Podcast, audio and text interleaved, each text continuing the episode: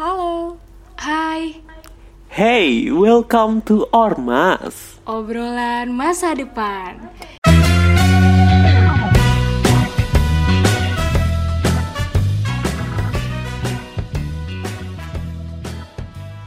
Yuhu, budi ormas, gimana nih kabarnya? Pada kangen gak sih? Hmm, kangen dong. Aduh. Pastinya kangen nih harusnya ya. Tapi kita juga harus ucapin welcome nih sama Biaksa 59 dan selamat bergabung menjadi keluarga Universitas Brawijaya. Aduh, kayaknya semakin ada maba, kita jadi punya adik tingkat lagi nih. Sama kayak Insira dulu nih Betul yang banget. jadi maba pernah gitu ya. Sekarang bukan lagi jadi maba ya berarti. Iya sih yo. Aduh, bukan, Uh, uh, ini bukan. banget sih waktu apa ya kemarin-kemarin awal-awal ormas masih maba ya. Insira. betul betul betul. Iya, Emang waktu udah tua sekarang. Emang waktu cepet banget sih, gitu kan. Tapi by the way nih guys, kita hari ini kita tuh bakal ada episode ormas yang ngedatengin tamu spesial banget. Aduh, siapa tuh spesial? Hmm, cluenya nih pokoknya seorang gestar kali ini merupakan seorang yang bakal ngasih saran dan juga petunjuk buat maba alias mahasiswa baru. Waduh, ini pasti eh, ngasih insight banget dong ya buat para maba nih, biar bisa selamat di kampus gitu. Nah, bener banget dong. Tapi pada kepo nggak sih? Makanya jangan lupa dengerin podcast ormas hari ini sampai akhir ya.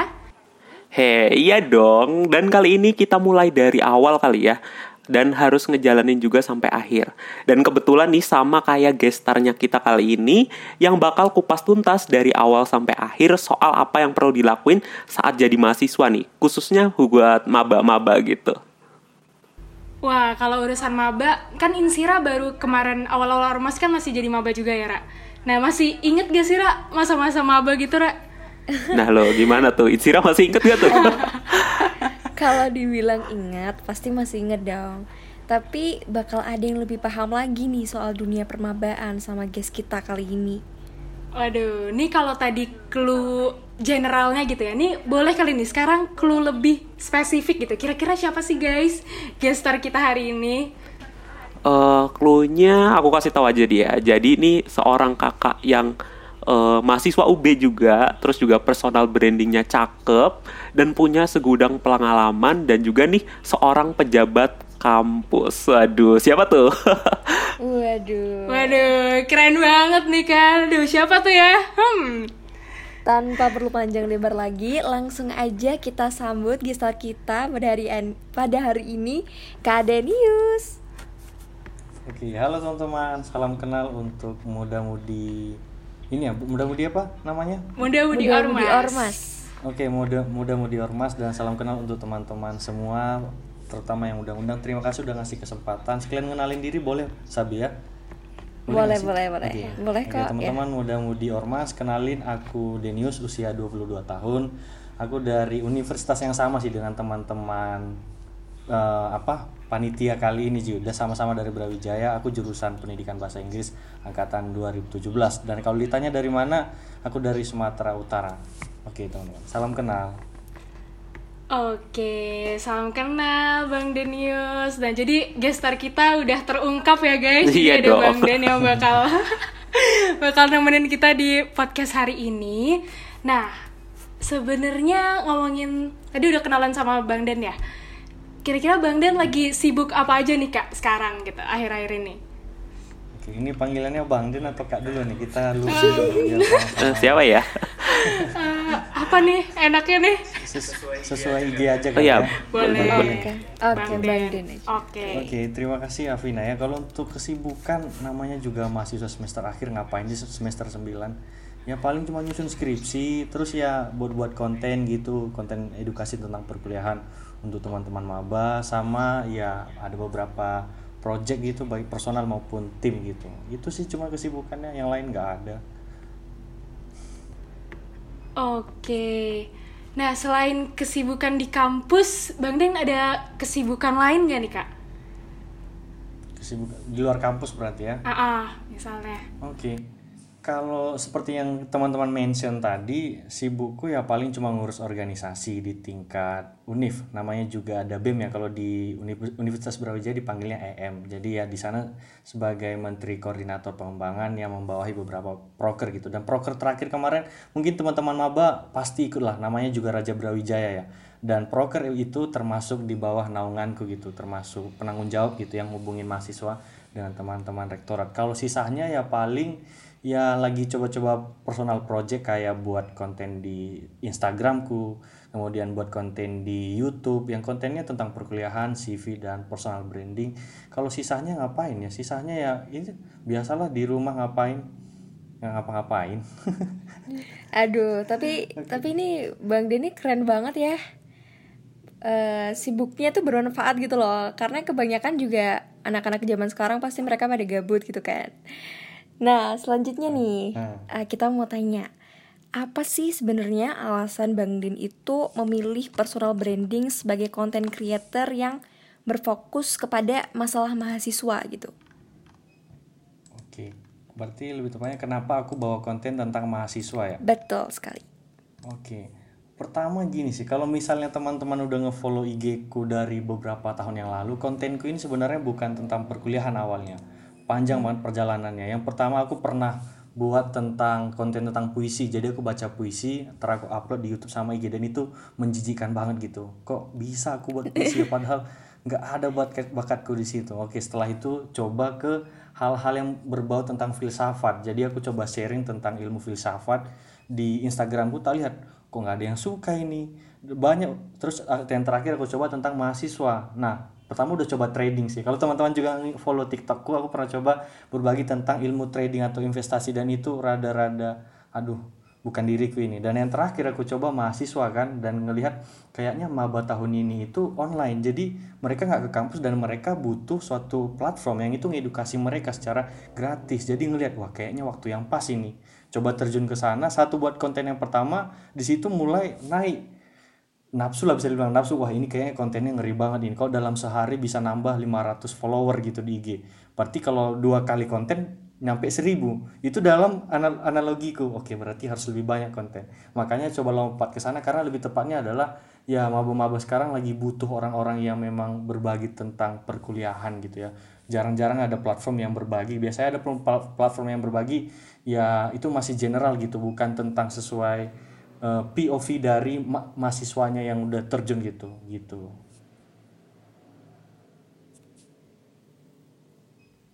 Kemudian yang kedua tadi ya kenapa personal branding penting tadi ya kalau nggak salah ya? Uh, kalau personal branding sih sebenarnya gini personal branding ini ada alasan Uh, kenapa itu penting banget di masa sekarang ya? Karena ya kita nggak ketemu. Jadi alat komunikasi kita untuk ke orang yang baru kenal kita melalui apa? Melalui sosial media. Sosial media kita ngisi apa ya? Ngisi personal branding kita. Kalau mungkin teman-teman pernah ngikuti seminar aku pernah bilang bahwa uh, everyone uh, has a personality but not everyone has a branding. Artinya adalah setiap orang itu punya personality tapi nggak setiap orang itu punya branding. Aku kasih contoh. Misal Mak Betty teman-teman pasti kenal Mak Betty ya yang Arif Muhammad ya yang bawa konten di YouTube itu. Kalau kita lihat dia itu bawa konten tentang Mama dan Mama Mama itu kan ya memang kayak gitu kan cerewet ngomongnya agak kasar. Nah itu sebenarnya personality kayak gituan udah banyak di Sumatera. Nah apa apa yang membedakan Mak Betty dengan Mama Mama di Sumatera yang lain? Ya yang membedakan adalah dia punya branding. Dia tahu cara membrandingnya. Aku kasih contoh maka personal branding ini penting karena tanpa orang nyebut namamu, mereka udah tahu siapa kamu. Aku kasih contoh misal, co coba tebak siapa pengacara yang itu e, dengan postur badan yang besar, punya cincin di tangan dan duitnya banyak. Coba siapa tebak? Tebak coba siapa? Hotman Paris dong pastinya. Nah, tanpa aku bilang namanya, kalian udah tahu. Nah, itu yang namanya karakter atau personal branding. Nah, kalau di aku sendiri, aku membangun personal brandingku tanpa orang nyebut nama aku Bang Denius, tinggal bilang aja konten perkuliahan anak UB yang pernah di EM siapa ya? Langsung ketebak oh Bang Denius ini. Itu yang menurutku personal branding ini penting. Dan yang kedua adalah personal branding ini adalah uang yang mendatangi kita bukan kita mendatangi uang. Kenapa gitu? Karena ketika kita punya personal branding misal aku kasih contoh misal kamu sakit demam gitu kamu bakalan pergi ke dokter yang udah kamu anggap memang itu punya kemampuan dalam menyembuhkan penyakit sesuatu. Nah contohnya kalau misalnya aku kita mau ngundang orang-orang yang memang jago masalah perkuliahan. Mereka tinggal nanya, siapa ya orang yang bisa membahas tentang perkuliahan? Kayaknya Bang Denius ini. Kenapa? Karena di kontennya bahas-bahas tentang perkuliahan. Nah, itu kan duit lagi yang datang kan. Kita diundang, kita dapat duit, kita dapat dapat relasi. Makanya personal branding ini sebagai salah satu cara agar uang bukan kita yang mendatangkan mendatangi uang tapi uang yang mendatangi kita. Itu yang itu makanya personal branding ini sangat perlu ya di masa-masa sekarang gitu. Itu sih kalau untuk sekilas tentang personal branding. Hmm, oke oke oke. Menarik juga nih dari awal yang tadi eh, konten yang kayak filsafat gitu terus lanjut ke mahasiswa gitu akhirnya jadi apa ya kayak suka tertarik dan followersnya nambah gitu ya. Itu itu menarik sekali sih sebenarnya. Tapi eh, menurut Bang Denny, eh, Bang Denius ini terkait cara eh, maba ataupun mahasiswa baru gitu ya buat personal branding lewat konten eh, konten itu gimana sih sebenarnya? Oke. Bagaimana lebih tepatnya adalah gimana cara membangun personal branding ya? Ya ya boleh boleh. Yo. Oke.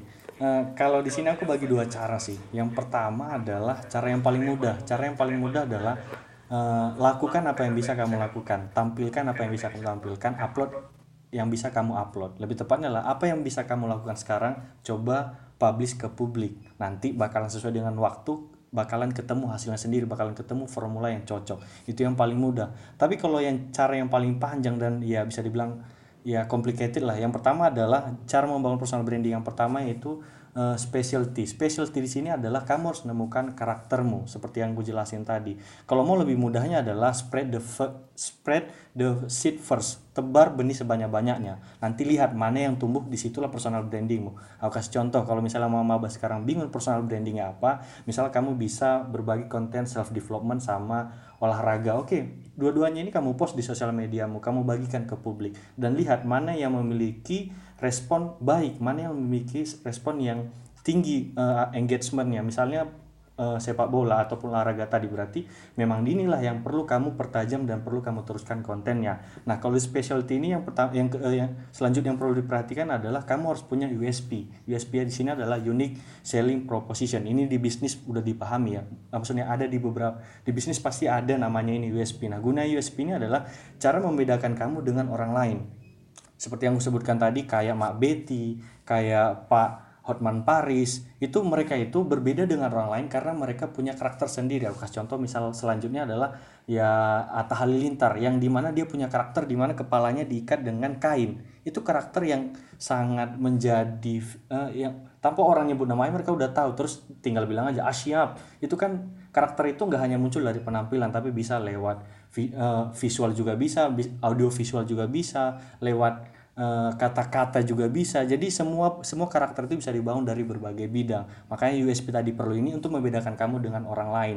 Jadi ya kalau kamu nggak punya USP USP kamu nggak bakalan dikenal. Aku kasih contoh lagi misal ketika misalnya kita berbicara tentang teman SMA misalnya aku bilang kamu ingat nggak sih si Hari? Nggak kenal aku siapa si Hari. Aku kasih contoh tandanya. Yang membedakan dia dengan orang lain adalah dia punya tompel misalnya. Yang itu loh si Hari yang ada tompel di bawah hidung misal gitu. Oh si Hari yang tompel lah. Jadi kan ini yang menjadi USP-nya, ini yang menjadi karakternya bahwa dia punya tanda spesial yaitu tompel di bawah hidungnya. Jadi gimana kalau gimana teman-teman maba bisa mencari karakter atau USP teman-teman. Kemudian yang kedua adalah eh, temukan platformnya. Nah, kalau personal branding ini yang paling kental sekarang ya di era digital sekarang ya di TikTok sama di Instagram. Nah, di sini tempat kita untuk mempromosikan personal branding kita. Nah, pelajari platformnya, gimana cara menaikkan engagement, gimana matriks bekerja seperti apa, pelajari insight-nya juga dan kamu juga harus paham gimana cara storytelling yang baik kepada penonton biar penonton gak langsung bosan gitu kan beberapa orang konten di setiap konten itu eh, Bang Denius ini yang membahas perkuliahan itu apa yang membedakan dengan orang lain sebenarnya ada beberapa akun yang membahas hal yang sama dengan aku. Yang membedakannya adalah di kontenku itu aku pakai bahasa sehari-hariku. Aku dari Sumatera. Jadi aku manggil audiens bukan kamu bukan lu bukan anda tapi aku panggil audiens adalah kau. Ini kan terkesan agak kasar ya tapi kan ini menjadi karakterku gitu bahwa ketika ya Denius ini memang kalau ngomong kau karena dia asalnya dari Sumatera. Jadi orang-orang bakalan ingat di sana. Nah storytelling yang kuter- kuterapkan di sini adalah ada humornya. Jadi setiap kontenku itu mungkin nanti beberapa slide ada humornya yang itu humor pribadiku yang memang memang aku ngobrol ke teman secara offline ya. Aku terapkan juga secara online di sosial media aku. Kemudian yang ketiga adalah uh, build build impact. Nah build impact di sini adalah kamu harus mau uh, tujuan pertamamu di sini adalah bukan money oriented. Kita paham bahwa ya uh, personal branding ini memang mendatangkan uang ya seperti aku bilang tadi bahwa uang yang mendatangi kita. Tapi jangan menjadikan uang sebagai main goalnya dalam pembuatan personal branding. Ya, yang perlu diperhatikan di sini adalah fokus aja dulu memberi dampak kepada orang. Semakin kamu fokus untuk memberi dampak kepada orang ya yakinlah itu bakalan tersebar gitu. Karena memang dibutuhkan dan tujuanmu juga bukan duit tapi karena pengen nolong orang. Dan yang keempat yaitu build networking. Nah, di sini kan era kolaborasi ini kayaknya perlu banget ya supaya dalam pembuatan konten POV-nya atau mungkin ya sudut pandang kita dalam pembuatan konten supaya lebih maksimal ya lewat uh, kolaborasi biar idenya banyak gitu. Dan jangan malu untuk nyebarin kontenmu kepada publik. Ya aku paham lah. Sebagian orang sekarang malas untuk atau takut untuk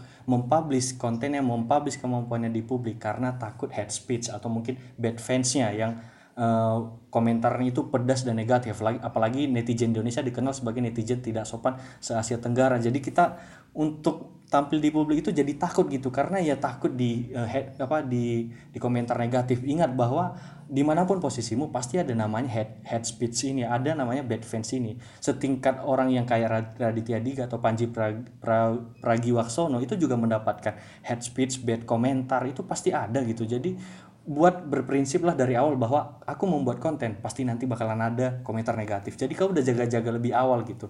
Udah punya persiapan atau antisipasi. Dan yang terakhir adalah keep updated. Maksudnya sini tetap update terhadap apa yang terjadi di dunia di Indonesia ataupun di mana pun lah itu tetap update di sosial media terus terutama. Nah dalam pembuatan konten apa yang kamu hasilkan atau apa yang kamu buat atau apa output yang kamu lempar kepada publik itu berdasarkan input yang masuk kepada dirimu. Aku kasih contoh, misal kita berbicara tentang eh UB tahun ini online loh. Itu kan dapat info online ini dari mana? Dari input. Inputnya dari mana? Dari data. Jadi kalau mau kontenmu bagus, kalau mau out outputmu bagus, kalau mau personal brandingmu kamu dianggap sebagai expert dalam suatu bidang, ya itu kan berbentuk output yang bakalan kamu berikan kepada publik. Nah, perbanyak dulu inputmu. Ketika inputmu sudah banyak, kamu punya POV dari mana-mana, kamu punya kamu udah bisa multi skilling dalam mengerjain sesuatu. Ya ketika kamu menghasilkan output, inputmu sudah banyak, itu bakalan lebih enak rasanya dan lebih lebih kreatif, lebih lebih bagus lah kontennya. Itu cara menemukan personal branding ya. Lebih itu yang cara yang sulit tadi. Kalau yang cara yang mudah tadi seperti itu. Itu sih kalau ya agak-agak panjang ya. Kayak gitu yang caranya. Oke oke. Nah um, selanjutnya nih ya kak. Tadi uh, kalau hmm. aku simpulin menarik banget ya kak. Benar-benar intinya untuk ngebangun personal branding itu yang pertama karakter ya kayak uh, ya. eh, bang hmm. ya. Aduh deh bang dan kak nih ya bang dan karakter ciri khas. Kemudian yang kedua juga platformnya ya kak dan yang hmm. ketiga tuh juga jangan malu jangan malu-malu untuk uh, bikin konten dan sebisa mungkin para mahasiswa tuh coba-coba gitu ya nah um, bahas-bahas tentang mahasiswa nih ya bang kalau misalnya tadi kita udah bahas tentang uh, personal branding nah uh, salah satu aspek penting yang erat gitu ya bang kaitannya dengan mahasiswa itu kan CV ya bang gitu yang mana CV hmm.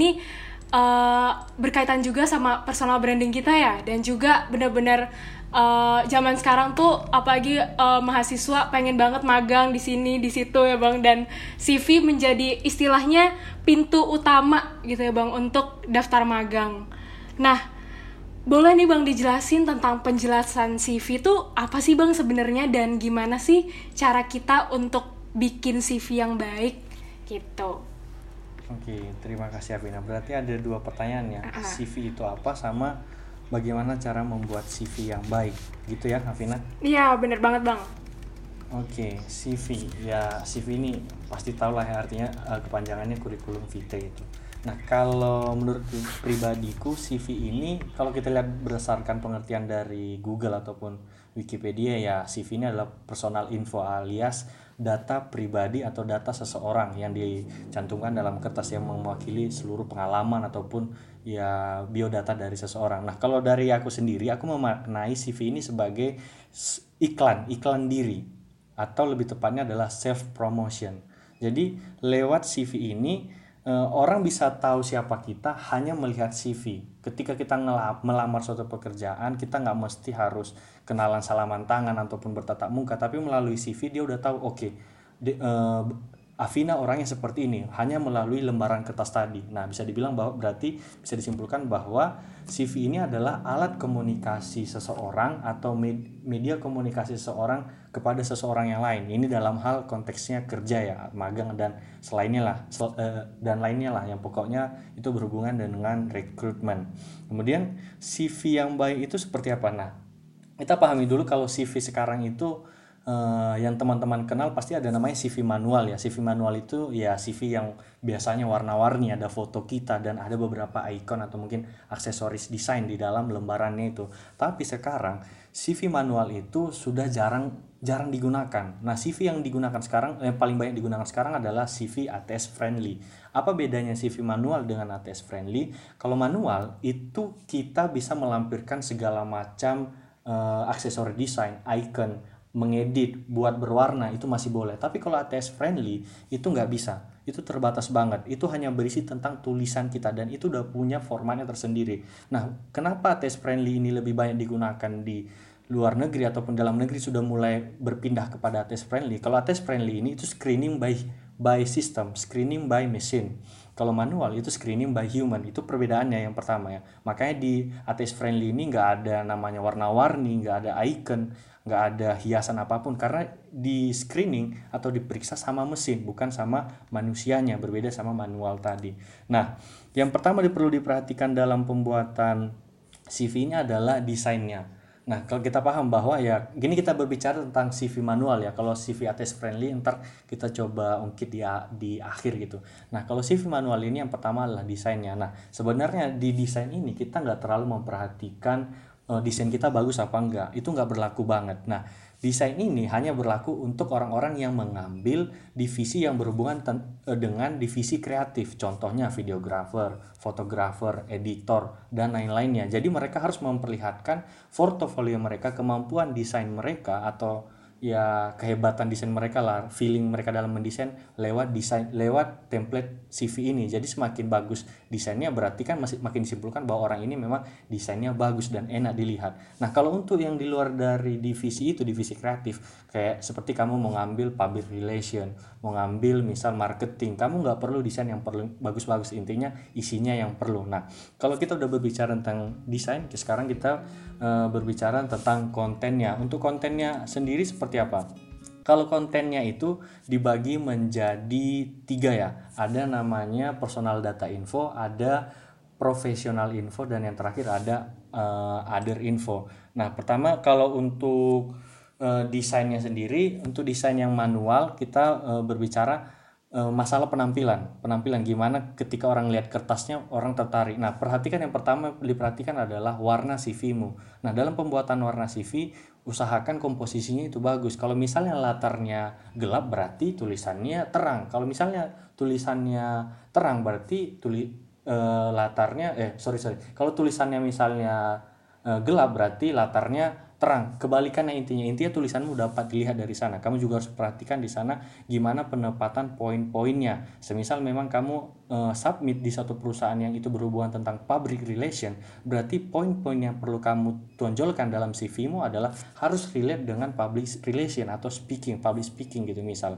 Jadi mulai dari pengalaman kerja organisasi ataupun course yang pernah kamu ikuti usahakan semuanya ini jangan terlalu berbahasa basi atau bertele-tele. Jangan terlalu banyak di sana. Sampaikanlah e, sesuatu pengalaman yang yang berhubungan tentang divisi yang kamu incar. Nah kalau untuk konten yang tadi kita kembali ke konten. Kalau untuk konten tadi yang pertama untuk personal data info adalah kamu harus perhatikan profil picturemu di sana. Personal data, data info ini berisi tentang ya data-data pribadi mulai dari uh, foto profil foto profilmu seperti apa, penulisan nama, kontakmu juga, juga harus kamu lampirkan dan beberapa info lain yang berhubungan tentang personal data info. Kemudian untuk yang kedua ada personal info. Kalau personal info ini uh, pengalaman-pengalaman yang pernah kamu lakukan selama ke beberapa waktu belakang ini misal skillmu apa aja terus edu, uh, education atau pendidikan yang udah kamu lalui kemudian work experience dan yang terakhir yaitu achievement. Kalau untuk other info, other info ini lebih ke portofoliomu, lebih ke link sosial mediamu. Kamu harus melampirkan info-info yang di luar dari personal dan profesional tadi ya seperti karya-karya yang pernah kamu buat apa aja misal kamu ngambil divisi konten kreator kamu harus lampirkan di sana uh, link portofoliomu supaya recruiter bisa ngelihat uh, karyamu melalui link-link itu dan kamu juga bisa melampirkan di sana ya course yang pernah kamu ikutin apa aja organisasi yang kamu ikutin apa aja di other infonya nah yang biasa menjadi kesalahan dalam pembuatan CV itu yang pertama adalah uh, CV-nya nggak relate dengan divisi yang diambilnya. Jadi dia menuliskan seluruh pengalamannya selama beberapa tahun ke belakang ini. Padahal enggak.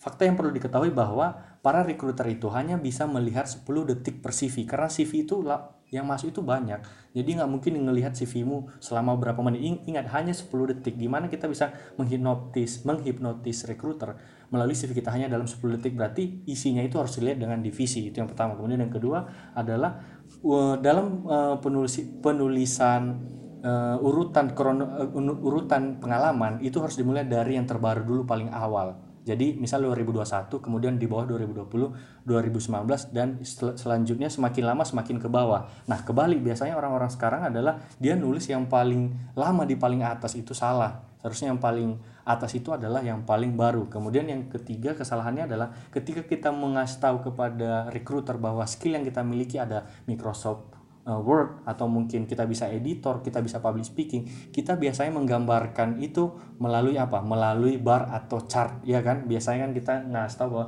oke okay, uh, kemampuan communication skillku uh, segini barnya, barnya adalah tiga dari 10 Padahal siapa yang tahu, siapa yang bisa memastikan bahwa bar itu valid, siapa yang mengukur, perusahaan mana kan nggak ada. Jadi uh, cara untuk memperlihatkan skill yang kita miliki lewat uh, soft skill atau hard skill adalah kita ngasih tahu uh, ada dua cara. Yang pertama adalah lewat level uh, level of skill. Kemudian yang kedua adalah ya duration. Nah, kalau level of skill of skill ini penjelas uh, pencantumannya seperti ini. Semisal uh, aku bisa communication skill dalam kurung. Berapa berapa uh, kamu masuk ke mana? Apakah masuk ke beginner beginner? Apakah masuk ke advance atau expert? Expert atau advance gitu. Jadi kamu menjelasin by uh, level of skill. Sesuai level yang udah jelasin tadi beginner kemudian intermediate yang terakhir ada uh, expert. Jadi pilih dari tiga ini mana yang skillmu masuk. Gitu cara menjelaskan secara valid.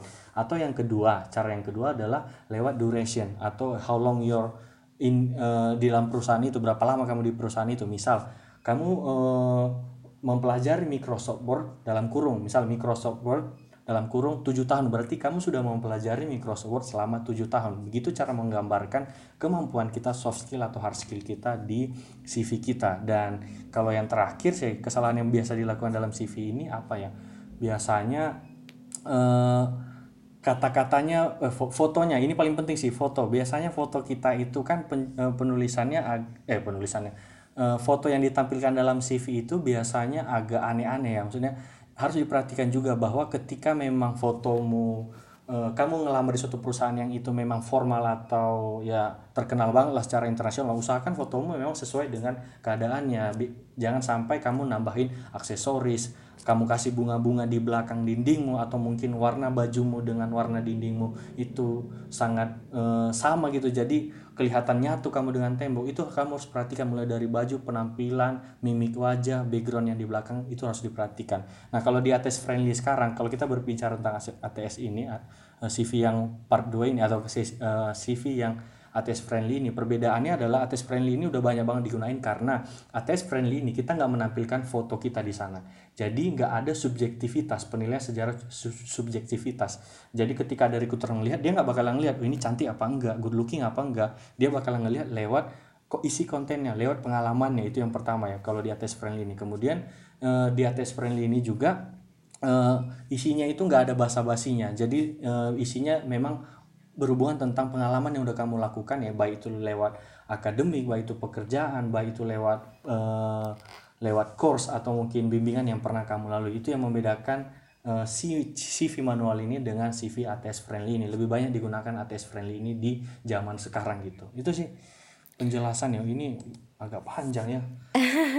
Seperti okay. itu Oke, okay, cukup uh, panjang ya tadi ya. Jadi kita bisa paham betul tentang CV pada di kita apalagi tadi kita udah dikasih tahu yang ATS friendly itu yang sekarang lagi maraknya dipakai sama orang-orang ya kan nah tapi nih kak uh, tapi nih bang gini aja bang aja ya biar itu aman. gimana caranya maba itu bisa bikin CV padahal dia tuh masih belum punya kegiatan apa-apa gitu. Kan pasti ada tuh kayak ada volunteer atau kegiatan apa gitu yang mereka mengharuskan mereka untuk bisa eh, punya CV gitu. Nah, itu apa aja sih yang dicantumin? Oke oke, Eh, Ira terima kasih Ira. Ini pertanyaan ini banyak banget ya masuk dari maba ya. Mereka baru masuk perkuliahan dan mereka bingung apa yang harus dicantumkan kak. Kan isinya nggak ada, kita nggak ngapa-ngapain gitu. Sebenarnya simpel ya. Kalau masalah seperti ini kan, ya kita paham bahwa CV ini sebagai penyeleksian di awal secara administrasi gitu. Hanya melalui kertas nanti baru lanjut ke interview. Ya walaupun kita nggak bisa ngasih tahu bahwa aku orangnya jago public speaking loh. Tapi kalau CV-mu nggak menarik bisa-bisa udah ditolak duluan kamu. Nah kalau ini aku biasanya saran ke mereka yang pertama adalah selama kamu di SMA pasti kamu pernah melakukan kegiatan. Nggak mungkin kamu introvert, nggak mungkin.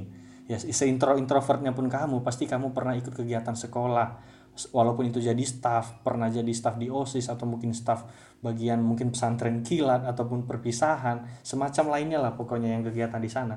Kamu bisa melampirkan di sana walaupun termasuk misal kita lihat dari sisi kepanitiaan. Oke, sisi kepanitiaan ini coba cari tahu kepanitiaan apa yang pernah kamu ikutin selama di SMA. Walaupun jadi staff nggak masalah, tapi cara kita membungkus apa yang kita lakukan di SMA ini di CV ini ini yang menjadi masalah. Apakah kita bisa membuat orang tertarik dengan kata-kata kita lebih tepatnya lewat copywritingnya. Nah, ketika memang kamu misalnya ketika di SMA kamu jadi admin, adminnya akun eh, acara kalian, walaupun acaranya hanya sebatas perlombaan tingkat ini misalnya tingkat sekolah ya oke kamu ka- tampilkan di sana bahwa kamu pernah menjadi sosial media spesialis. Wah namanya ngeri banget ya sosial media spe- spesialis. Padahal cuma admin doang. Ini kata-kata ini rada bikin orang wah kerennya anak spesialis media sosial. Nah di sini ketika kamu bisa nampilin itu kemudian kamu ngasih tahu job descriptionnya. Nah job description ini adalah apa-apa aja yang pernah kamu lakukan di sana. Misal mengupload konten satu hari sekali membuat caption satu hari sekali menganalisis insight atau eh, matrix atau engagement setiap postingan dalam satu sa- satu kali sehari. Orang recruiter yang lihat itu langsung wah anjir keren ya anak. Udah bisa nganalisis udah bisa buat caption yang bagus. Wah keren. Padahal nggak ngapa-ngapain dia kemarin. Dia cuma ngupload tok itu kan bisa menghipnotis yang membaca kan itu yang pertama lewat organisasi kemudian lewat misal pasti kamu pernah ikut namanya ekskul di kamp di sekolahmu misal ekskulnya adalah eh, ekskulnya misal eh, English club lah misalnya gitu English club itu kan ya sebenarnya kita cuman nonton-nonton aja kan cuman kayak hadis ke- seke- sekedar eh, sekedar bimbingan gitu sama cutting. Nah, ini bisa kamu lampirkan bahwa pengalamanmu di misal ini pendidikan non formal. Jadi kamu pernah ikut English misalnya namanya situ adalah eh, English apa misalnya ya pelatihan bahasa Inggris dalam kurung dalam kurung English Club di SMA ini. Ah, kamu jelasin apa-apa aja eh, yang udah kamu dapatin di sana. Ngapain aja kamu? Misal kamu bilang situ aku pernah eh, membuat em, membuat skrip pidato atau speech dalam satu hari gitu. Ada tiga tiga pidato speech skripnya dalam satu hari. Oke itu yang pertama. Kemudian kamu pernah menjadi pemimpin kelompok. Padahal kelompoknya kelompok kecil-kecilan gitu kan. Biasanya ada tuh dibagi-bagi kelompoknya. Oke kelompok satu nanti maju di depan. Ya Pak bilang aja aku pernah menjadi ketua kelompok di sana dengan mengkoordinir lima orang. Padahal di sana nggak ngapa-ngapain juga dia. Nah ini cara menghinop, menghipnotis kita. Jadi itu, itu semua kembali. Bukan permasalahannya adalah bukan apa yang kamu lakukan di SMA tapi gimana kamu membungkus segala sesuatu yang kamu lakukan di SMA secara baik sehingga bisa menghipnotis rekruternya tadi. Nah itu yang menjadi sebenarnya banyak hal-hal yang bisa kamu ungkit yang lainnya ya, ya mungkin apalagi selain itu ya? Selain itu ya ya mungkin jadi mungkin apa pembawa bendera gitu. Itu bisa kamu ini upacara bendera. Kamu pernah misalnya jadi pembawa bendera yang bagiannya pemba- pembaca pancasila. Udah jelasin aja. Kasih tahu bahwa ya aku pernah menjadi kayak ginian. Itu kan membutuhkan skill kan? Karena nggak semua orang bisa membawa teks pancasila ke depan dengan langkah tegak maju yang bagus dan vokal yang keren itu kan nggak semua orang bisa itu bisa kamu tampilkan di sana jadi apa pun yang pernah kamu lakukan di sana itu bisa kamu taruh di CV asalkan cara membungkusnya itu baik ini khusus untuk mama maba ya gitu Oke, mantap luar biasa ya bang. Bener-bener jadi, uh, uh, jadi Luar kalau aku biasa simpulin sekali. dikit, Mm-mm, aku simpulin bener-bener Uh, jadi buat maba yang belum ada pengalaman bisa banget pakai pengalaman yang di sekolah gitu ya bang ya yang mulai dari kelompok terus tadi juga di mention eskul dan kegiatan-kegiatan lain yang kiranya tuh bisa menjual gitu ya bang ya untuk uh, di CV gitu oke nah sumpah nih dari tadi dengerin Iya banget ya dong. teman-teman podcaster ya Iya. Iya, karena dari ini juga- awal Karena ini juga membantu kita banget kan. iya bener Apalagi- banget terus kayak Mm-mm. Mm-mm.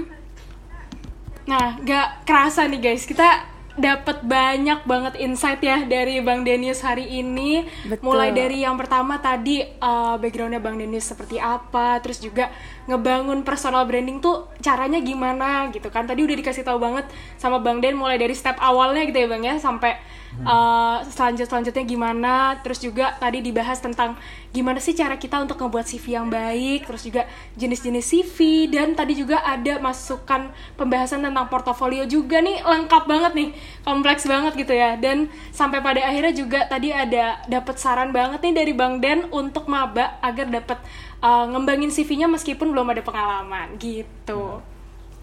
Oke, setuju banget. Kita di sini tadi juga pasti dapat insight yang luar biasa ya kan? Kita berguru sama masternya gitu, ibarat kata. Eh, tapi nih, nggak kerasa kita udah ada di penghujung podcast.